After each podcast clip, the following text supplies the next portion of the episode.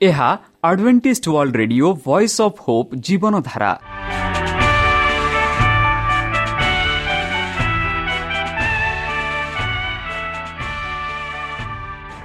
Odia radio କାର୍ଯ୍ୟକ୍ରମ ଯାହା ଆମର ଆନ୍ତର୍ଜାତୀୟ ଆଘାତ କେନ୍ଦ୍ରରୁ ପ୍ରସାରଣ କରାଯାଉଛି ପ୍ରତିଦିନ ରାତି ନଅଟା ତିରିଶ ମିନିଟ୍ରେ। ମୁଁ ସୁବ୍ରତ କୁମାର ପତି ପ୍ରେମର ସହ ଆପଣମାନଙ୍କୁ ଏହି କାର୍ଯ୍ୟକ୍ରମକୁ ସ୍ୱାଗତ କରୁଅଛି। ଚାଲନ୍ତୁ ଆଜିର ତିରିଶ ମିନିଟ୍ର କାର୍ଯ୍ୟକ୍ରମ ବିଷୟରେ ଜାଣିନେବା। ପ୍ରଥମେ ରଖିଛୁ ଆଧ୍ୟାତ୍ମିକ ଭକ୍ତିମୟ ଗୀତ। ଏହାପରେ ଶୁଣିବା ସ୍ୱାସ୍ଥ୍ୟ ବିଷୟରେ ଯାହା ଆମର ଦୈନିକ ଜୀବନରେ ଅତ୍ୟନ୍ତ ଜରୁରୀ। ଆଉ ପରିଶେଷରେ ଶୁଣିବା ପରମେଶ୍ୱରଙ୍କ ଭକ୍ତଙ୍କଠାରୁ ଜୀବନଦାୟକ ଈଶ୍ୱରଙ୍କ ବାକ୍ୟ। ପ୍ରିୟ ଶ୍ରୋତା ତାହେଲେ ଚାଲନ୍ତୁ ଶୁଣିବା ଏକ ଆଧ୍ୟାତ୍ମିକ ଭକ୍ତିମୟ ଗୀତ।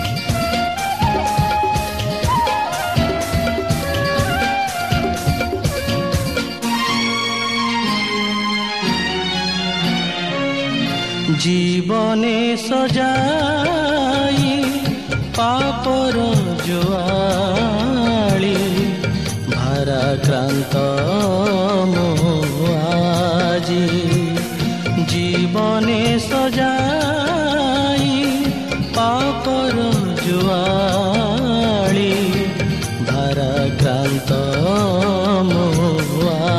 আজি ফেরি অছি প্রভু তুমকু সতলে পরিশ্রান্ত পাপি সাজি জীবনে সজাই পাপর জুয়া Cran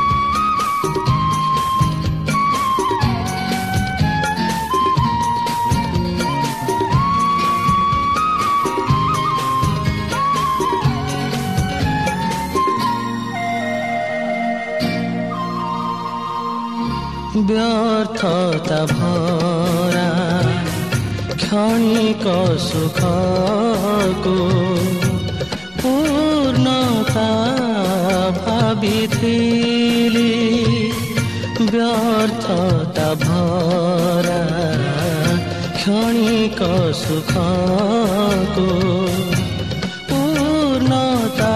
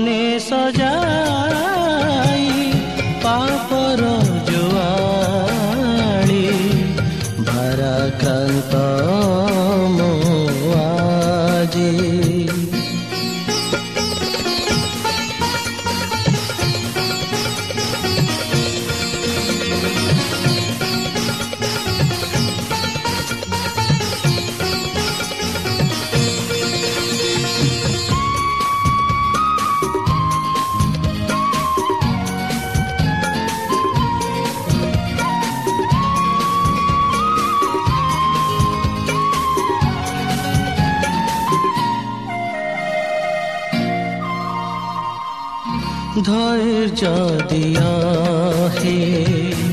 জীবনে অসীমা চালিবাকু কৃষ পথে ধৈর্য দিয়া হে।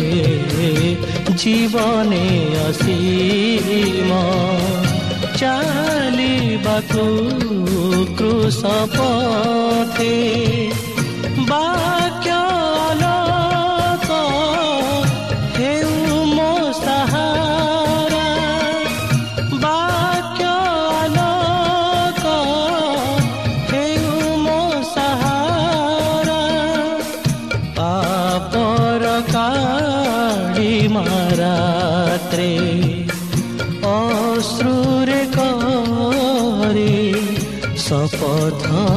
ଜଗତେ ଆଉ ମୁଁ ଯିବିନି ହଜି ଜୀବନେ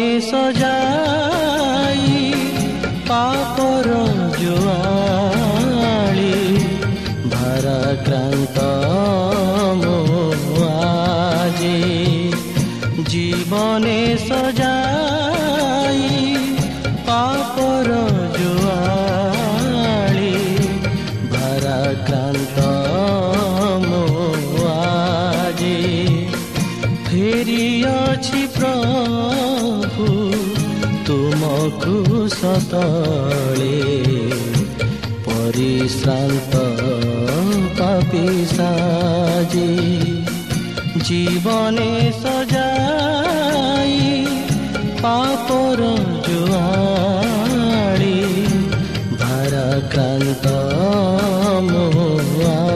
আজি জীবনে সজাই।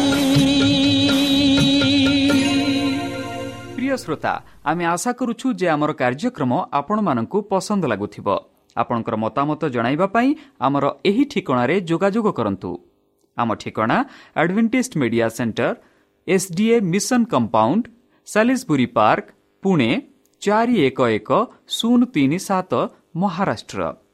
ବା ଖୋଲନ୍ତୁ ଆମର ୱେବସାଇଟ୍ ଯେକୌଣସି Android phone smartphone desktop laptop କିମ୍ବା ଟ୍ୟାବ୍ଲେଟ୍ ଆମର website W W W dot A W R dot O R G slash O R I ଏବଂ W W W dot Adventist Media Centre India dot O R G ବର୍ତ୍ତମାନ ଚାଲନ୍ତୁ ଶୁଣିବା ଈଶ୍ୱରଙ୍କ ଭକ୍ତଙ୍କଠାରୁ ଈଶ୍ୱରଙ୍କ ଜୀବନଦାୟକ ବାକ୍ୟ ନମସ୍କାର ପ୍ରିୟ ଶ୍ରୋତା ସେହି ସର୍ବଶକ୍ତି ସର୍ବଜ୍ଞାନୀ ପ୍ରେମର ସାଗର ଦୟାମୟ ଅନ୍ତର୍ଜମୀ ଅନୁଗ୍ରହ ପରମ ପିତାଙ୍କ ମଧୁର ନାମରେ ମୁଁ ପାଷ୍ଟ ପୂର୍ଣ୍ଣଚନ୍ଦ୍ର ଆଉ ଥରେ ଆପଣମାନଙ୍କୁ ଏହି କାର୍ଯ୍ୟକ୍ରମରେ ସ୍ୱାଗତ କରୁଅଛି।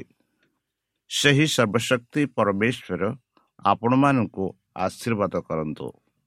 ଆପଣଙ୍କୁ ସମସ୍ତ ପ୍ରକାର ଦୁଃଖ କଷ୍ଟ ବାଧା କ୍ଲେଶ ଓ ରୋଗରୁ ଦୂରେଇ ରଖୁ। ଶତ୍ରୁ ସୟତାନ ହସ୍ତରୁ ସେ ଆପଣଙ୍କୁ ସୁରକ୍ଷାରେ ରଖନ୍ତୁ। ତାହାଙ୍କ ପ୍ରେମ ତାହାଙ୍କ ସ୍ନେହ ତାହାଙ୍କ କୃପା ତାହାଙ୍କ ଅନୁଗ୍ରହ ସଦାସର୍ବଦା ଆପଣଙ୍କଠାରେ ସହବର୍ତ୍ତୀ ରହ। ପ୍ରିୟସତା ଚାଲନ୍ତୁ। ଆଜି ଆମ୍ଭେମାନେ କିଛି ସମୟ ପବିତ୍ର ଶାସ୍ତ୍ର ବାଇବଲଠୁ ତାହାଙ୍କ ଜୀବନଦାୟକ ବାକ୍ୟ ଧ୍ୟାନ କରିବା। ଆଜିର ଆଲୋଚନା ହେଉଛି ଯୀଶୁଙ୍କ ଜୀବନ ଶୈଳୀ ବନ୍ଧୁ ପବିତ୍ର ଶାସ୍ତ୍ର ବାଇବଲରେ ଆମ୍ଭେମାନେ ଯୀଶୁଖ୍ରୀଷ୍ଟଙ୍କର ଜୀବନ ଶୈଳୀ ଦେଖୁଅଛୁ। ଯୀଶୁ ପ୍ରଭୁ କିପରି ତାଙ୍କ ଜନ୍ମ ପରେ ଯେମିତି ସେ ବଢ଼ୁଥିଲେ ସେ କିପରି ଏହି ପୃଥିବୀରେ ବାସ କରୁଥିଲେ ତାହା ଆମେ ଭଲ ଭାବରେ ଜାଣୁଅଛୁ। ଯେପରିକି ଜହନ ଚାରି ଚଉତିରିଶରେ ଆମେ ଦେଖୁଅଛୁ ସେଠି ଆମେ ଦେଖୁଅଛୁ ଯୀଶୁ ସେମାନଙ୍କୁ କହିଲେ ମୋହର ପ୍ରେରଣକର୍ତ୍ତାଙ୍କ ଇଚ୍ଛା ସାଧନ କରିବା ଓ ତାଙ୍କର କାର୍ଯ୍ୟ ସମାପ୍ତ କରିବା ଏହା ହିଁ ମୋର ଖାଦ୍ୟ। ବନ୍ଧୁ ଯୀଶୁଖ୍ରୀଷ୍ଟ ଏହି ପୃଥିବୀକୁ ଆସିଥିଲେ ପିତାଙ୍କ ଇଚ୍ଛା ସାଧନ କରିବା ପାଇଁ ବା ପୂର୍ଣ୍ଣ କରିବା ପାଇଁ। ଆଉ ପିତାଙ୍କ ଇଚ୍ଛା କ'ଣ ଥିଲା? ପିତାଙ୍କ ଇଚ୍ଛା ଥିଲା ଯେପରିକି ଯୀଶୁଖ୍ରୀଷ୍ଟ ଏହି ପୃଥିବୀରେ ଜନ୍ମ ହୋଇ ଏହି ମାନବ ଜାତିଙ୍କୁ ସେବା କରି ଆଉ ସେମାନଙ୍କୁ ପ୍ରଭୁଙ୍କର ରାସ୍ତା ଦେଖାଇ ପ୍ରଭୁଙ୍କର ପ୍ରେମ ଦର୍ଶାଇ ପ୍ରଭୁଙ୍କ ରାସ୍ତା ସେମାନଙ୍କୁ ଦେଖାଇ ପରିଶେଷ ଆପଣା ଜୀବନ ଦାନ ଦେବା ପାଇଁ ସେ ଆସିଥିଲେ। କାହିଁକି? ଯେହେତୁ ମନୁଷ୍ୟ ପ୍ରାରମ୍ଭିକରେ ଯେଉଁ ସମ୍ପର୍କ ତାଙ୍କର ଥିଲା ପରମେଶ୍ୱରଙ୍କ ଠାରେ ସେହି ସମ୍ପର୍କକୁ ସେମାନେ ଭାଙ୍ଗି ଦେଇଥିଲେ। ଆଉ ସେହି ସମ୍ପର୍କ ଭଙ୍ଗା ହେବା ଯୋଗୁଁ ସେମାନେ ଆଉ ମଣିଷ ଆଉ ପ୍ରଭୁ ଏକାଥ କଥାବାର୍ତ୍ତା ହୋଇପାରିଲେ ନାହିଁ। କାରଣ ପାପ। ପାପ ମଣିଷ ଆଉ ପ୍ରଭୁଙ୍କ ମଧ୍ୟରେ ଏକ କାନ୍ଥ ସୋପରେ ସ୍ୱରୂପରେ ରହିଯାଇଅଛି। ଆଉ ସେହି କାନ୍ଥକୁ ଭାଙ୍ଗିବା ପାଇଁ ଯୀଶୁ ଖ୍ରୀଷ୍ଟ ଏହି ପୃଥିବୀକୁ ଆସିଥିଲେ। ଆଉ ଯେବେ ଲୋକେ ପଚାରିଲେ ଯେବେ ଜୋସେଫ ମେରି ପଚାରିଲେ କି ତୁମ ପାଇଁ ମୁଁ ଆମେ ଏତେ ଦିନ ଖୋଜି ଖୋଜି ଆସିଅଛୁ ଆଉ ତୁମେ ଏଠି କ'ଣ କରୁଅଛ ଆଉ ସେ କହିଲେ କି ଏହା ହିଁ ମୋର ଖାଦ୍ୟ ତାହାଙ୍କର କାର୍ଯ୍ୟ ସମାପ୍ତ କରିବା ଏହା ହିଁ ମୋର ଖାଦ୍ୟ ବୋଲି କହିଲେ ପ୍ରଭୁଙ୍କର ବାକ୍ୟ ପ୍ରଚାର କରିବାର ତାଙ୍କର କାର୍ଯ୍ୟ ସାଧନ କରିବାର ଏହା ମୋର ଖାଦ୍ୟ ମାନେ ସଦାସର୍ବଦା ଯୀଶୁଖ୍ରୀଷ୍ଟଙ୍କର ଜୀବନଶୈଳୀ ଥିଲା କି ସେ ପରମେଶ୍ୱରଙ୍କ ଇଚ୍ଛାକୁ ସାଧନ କରିବେ ଆଉ ତାଙ୍କ ଇଚ୍ଛା ପ୍ରକାରେ ସେ ଚାଲିବେ। ଜହନ ପାଞ୍ଚ ତାର ଉଣେଇଶ ତିରିଶରେ ଆମେ ଦେଖୁଅଛୁ କି ଯୀଶୁ ପ୍ରଭୁ ଏହିପରି କହିଲେ ତେଣୁ ଯୀଶୁ ସେମାନଙ୍କୁ ଉତ୍ତର ଦେଲେ ସତ୍ୟ ସତ୍ୟ ମୁଁ ତୁମମାନଙ୍କୁ କହୁଅଛି ପୁତ୍ର ପିତାଙ୍କୁ ଯାହା କରୁଥିବା ଦେଖନ୍ତି ତାହା ଛଡ଼ା ସେ ଆପଣାରୁ କିଛି ହିଁ କରିପାରନ୍ତି ନାହିଁ। କାରଣ ସେ ଯାହା ଯାହା କରନ୍ତି ପୁତ୍ର ମଧ୍ୟ ସେହିସବୁ ସେ ପ୍ରକାରେ କରନ୍ତି। ମୁଁ ଆପଣଙ୍କରୁ କିଛି କରିପାରେ ନାହିଁ। ମୁଁ ଯେପରି ଶୁଣେ ସେହିପରି ବିଚାର କରେ।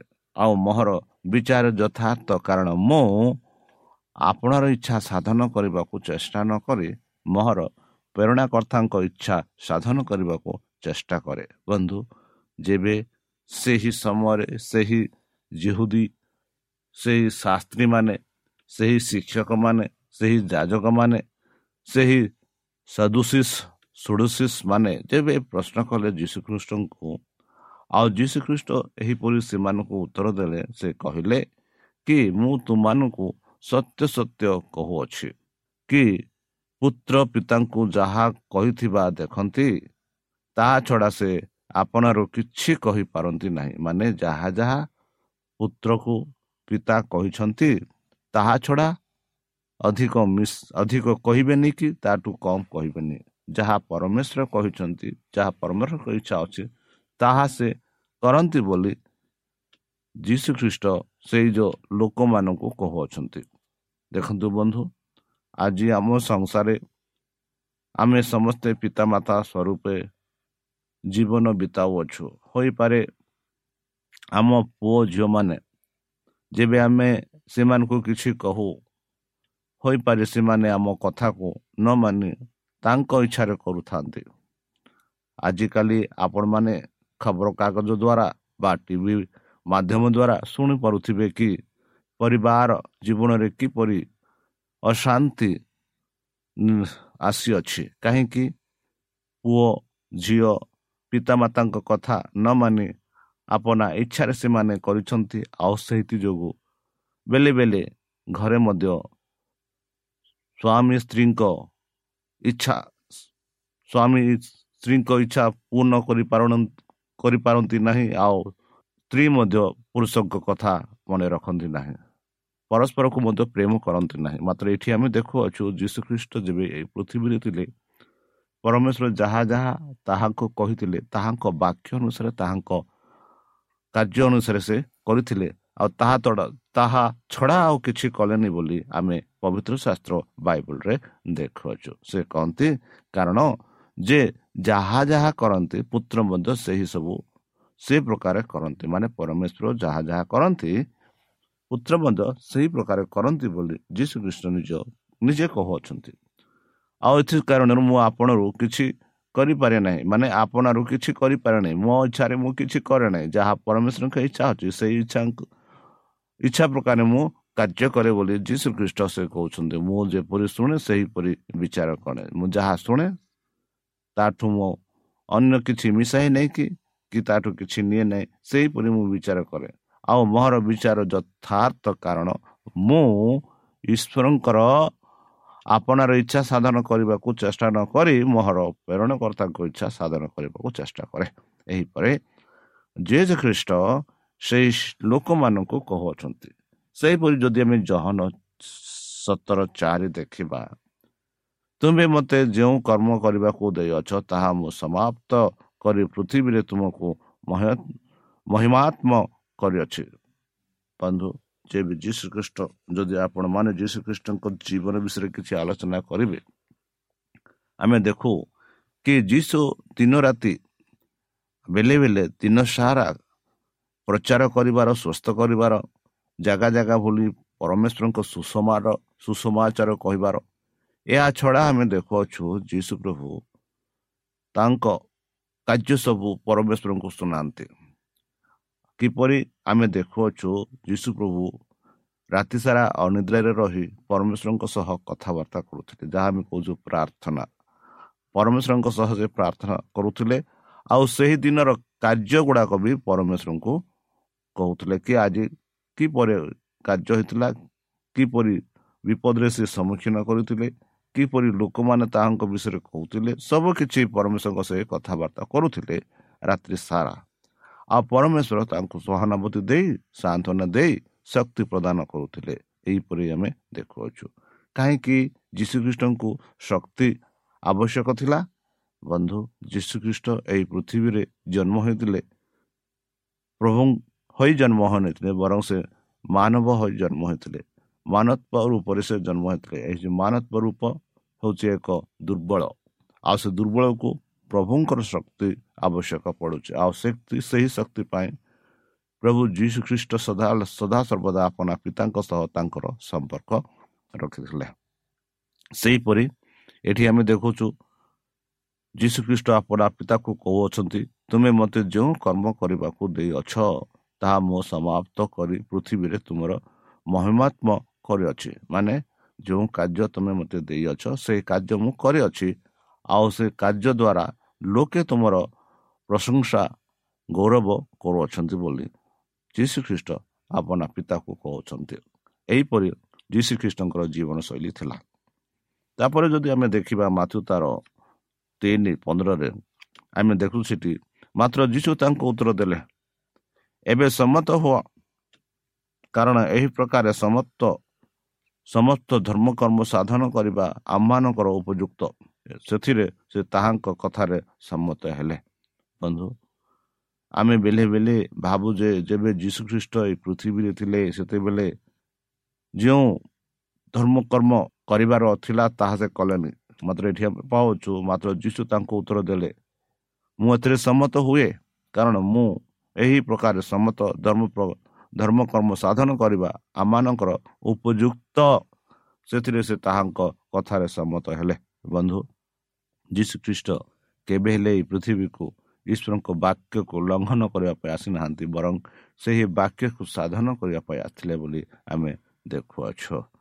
ସେହିପରି ଯଦି ଆମେ ପ୍ରେରିତ ତାର ଦଶ ଅଠତିରିଶ ଦେଖିବା ସାଧୁ ପାଉଲ କହନ୍ତି ଏହିପରି ସେ କହନ୍ତି ଆଉ ସେ ସେମାନଙ୍କୁ କହିଲେ ଅନ୍ୟ ଜାତିର କୌଣସି ଲୋକ ସାଙ୍ଗରେ ମିଶିବା କିମ୍ବା ତାହା ପାଖକୁ ଯିବା ଯେଉଁଦି ଲୋକ ପକ୍ଷରେ କିପରି ବିଧି ସଂକତ ନୁହେଁ ତାହା ଆପଣମାନେ ଜାଣନ୍ତି? ତଥାପି କୌଣସି ଲୋକଙ୍କୁ ଅପବିତ୍ର କି ଅସୁଚି ବୋଲି ନ କହିବାକୁ ଈଶ୍ୱର ମୋତେ ଦେଖାଇ ଅଛନ୍ତି। ବନ୍ଧୁ ମନେ ରଖନ୍ତୁ ମଣିଷ ଯିଏକି ଏହି ପୃଥିବୀରେ ବାସ କରୁଛି ମଣିଷ କି ଯିଏକି ସର୍ବ ଅଧିକାରୀ ଶକ୍ତିଶାଳୀ ଏଇ ଯେଉଁ ପୃଥିବୀର ଜିନିଷ ଉପରେ ଆଉ ସେହି ମଣିଷକୁ ପରମେଶ୍ୱର ଆପଣା ପ୍ରତିରୂପରେ ସୃଷ୍ଟି କରିଥିଲେ। ଆଉ ସେହି ପ୍ରତିରୂପୀ ମଣିଷକୁ ଆପଣା ଜୀବନ ବାୟୁ ଦେଇଥିଲେ। ଆଉ ପରମେଶ୍ୱରଙ୍କ ସମ୍ମୁଖରେ କିଏ ଏକ ଉଚ୍ଚ କିଏ ନିଚ ନାହିଁ। ଖାଲି ମଣିଷ ଆଖିରେ ଆମେ ଏହିପରି କରିଥାଉ। ଆଉ ଏଥି କାରଣରୁ ସାଧୁ ପାଉଲ ସେହି ଯେଉଁ ଲୋକମାନଙ୍କୁ କହୁଅଛନ୍ତି ଆଉ ସେ ସେମାନଙ୍କୁ କହିଲେ ଅନ୍ୟ ଜାତିର କୌଣସି ଲୋକ ସାଙ୍ଗରେ ମିଶିବା କିମ୍ବା ତାହା ପାଖକୁ ଯିବା ଯେଉଁଦି ଲୋକଙ୍କ ପକ୍ଷରେ କିପରି ବିଧି ସଂକତ ନୁହେଁ ତାହା ଆପଣମାନେ ଜାଣନ୍ତି ତଥାପି କୌଣସି ଲୋକକୁ ଅପବିତ୍ର କି ଅସୁଚି ବୋଲି ନ କହିବା ଈଶ୍ୱର ମୋତେ ଦେଇଛନ୍ତି। ମାନେ କୌଣସି ବ୍ୟକ୍ତିକୁ ବ୍ୟକ୍ତିକୁ ଆମେ ପବିତ୍ର କି ଅପବିତ୍ର କହିବାର ଆମର କିଛି ସକ୍ଷମ ନାହିଁ। ଯେହେତୁ ସମସ୍ତଙ୍କୁ ପରମେଶ୍ୱର ସୃଷ୍ଟି କରିଛନ୍ତି। ସମସ୍ତେ ପରମେଶ୍ୱରଙ୍କର ସନ୍ତାନ ସନ୍ତତି ବୋଲି ଆମେ ଦେଖୁଅଛୁ। ସେହିପରି ଲୁକ ତାର ବାଇଶ ବତିଶରେ ଆମେ ଦେଖୁ।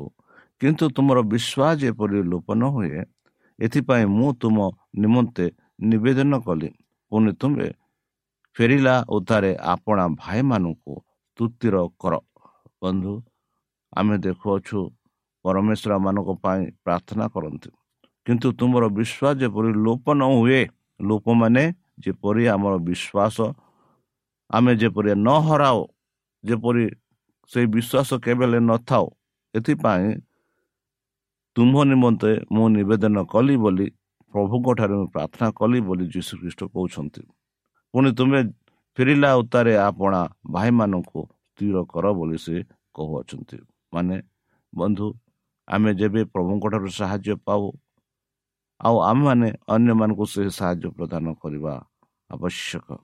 ଯେବେ ଯୀଶୁଖ୍ରୀଷ୍ଟ ସେମାନଙ୍କୁ ପ୍ରଚାର କରିବା ପାଇଁ ପଠାଇଥିଲେ ଯେବେ ସେମାନେ ପ୍ରଚାର କଲେ ଯେବେ ସେମାନେ ଆସିଲେ ଆଉ ସେତେବେଳେ ପରମେଶ୍ୱର ସେମାନଙ୍କ ପାଇଁ ଈଶ୍ୱରଙ୍କ ଠାରେ ନିବେଦନ କରି ପ୍ରାର୍ଥନା କଲେ। ଆଉ ସ୍ଥିର ରହିବା ପରେ ସେମାନଙ୍କୁ କହିଥିଲେ ବୋଲି ଆମେ ଦେଖୁଅଛୁ। ଏହିପରି ଯୀଶୁ ଖ୍ରୀଷ୍ଟଙ୍କର ଜୀବନଶୈଳୀ ଥିଲା।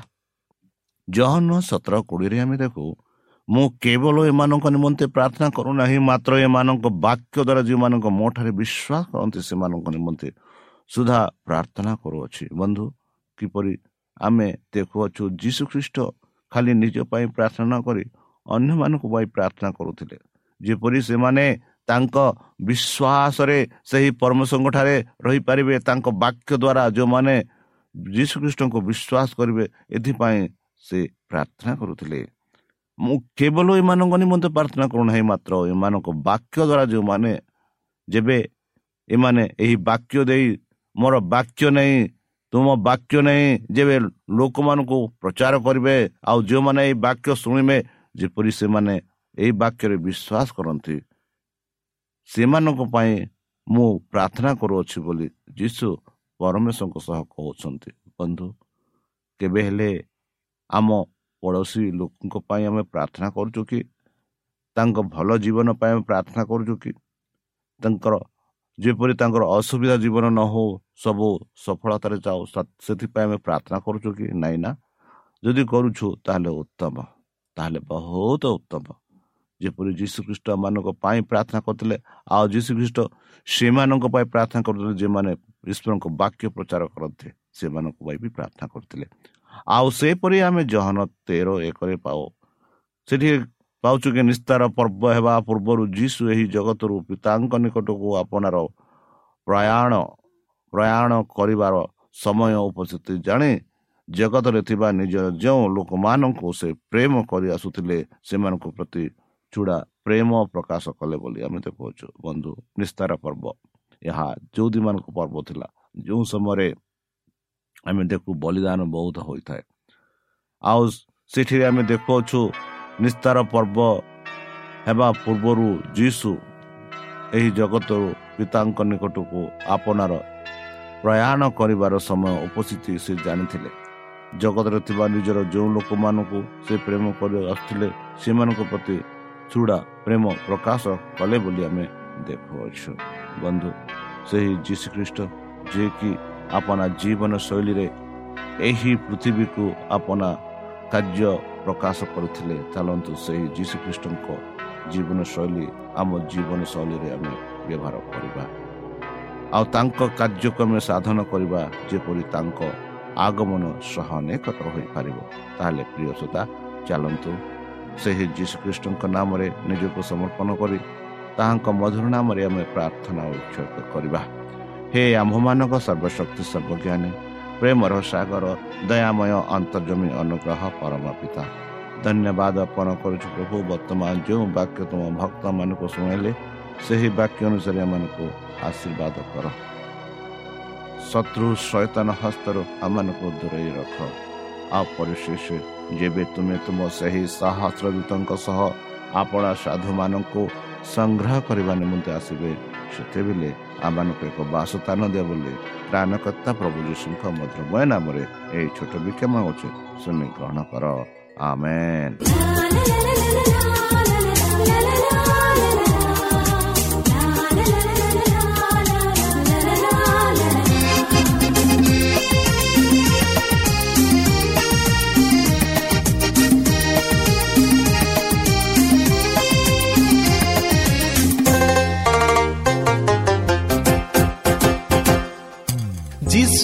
পথ, যিশু হি সত্য, যিশু নামরে হুয়ে মু তৃষিত যিশু যে নাম স্বর্গীয় নাম অন্ধকু বি মিଳେ চক্ষু নয়ন। যিশু যে নাম, কি সুন্দর নাম মুক বধির পান্তি যে দান।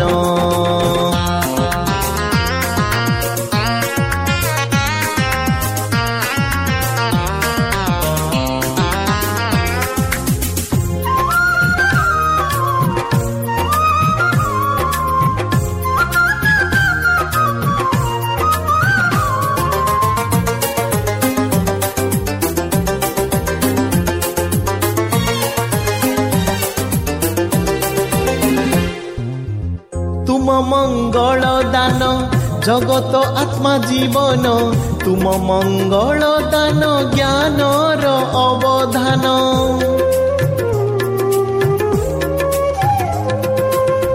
ତୁମ ମଙ୍ଗଳ ଦାନ প্রিয় শ্রোতা আমি আশা করুছু যে আমার কার্যক্রম আপনার পসন্দ লাগুব আপনার মতামত পাই আমার এই ঠিকার যোগাযোগ করতু আমার Adventist Media Centre SDA Mission Compound সাি park Pune ଚାରି ଏକ ଏକ ଶୂନ ତିନି ସାତ ମହାରାଷ୍ଟ୍ର ବା ଖୋଲନ୍ତୁ ଆମର ୱେବସାଇଟ୍ ଯେକୌଣସି Android phone smartphone desktop laptop କିମ୍ବା ଟ୍ୟାବ୍ଲେଟ୍ ଆମର website W W W dot A W R dot O R G slash O R I ଏବଂ W W W dot Adventist Media Centre India dot O R G Adventist Media Centre ଇଣ୍ଡିଆର spelling ହେଉଛି A D V E D I A C E N T R E I N D I A ଅଥବା download କରନ୍ତୁ ଆମର mobile app ଆପଣଙ୍କର mobile play ଷ୍ଟୋରକୁ ଯାଆନ୍ତୁ ଆଉ type କରନ୍ତୁ ଦ ଭଏସ୍ ଅଫ୍ ହୋପ୍ ଆଉ ଡାଉନଲୋଡ୍ କରନ୍ତୁ। ଈଶ୍ୱର ଆପଣଙ୍କୁ ଆଶୀର୍ବାଦ କରନ୍ତୁ। ଧନ୍ୟବାଦ।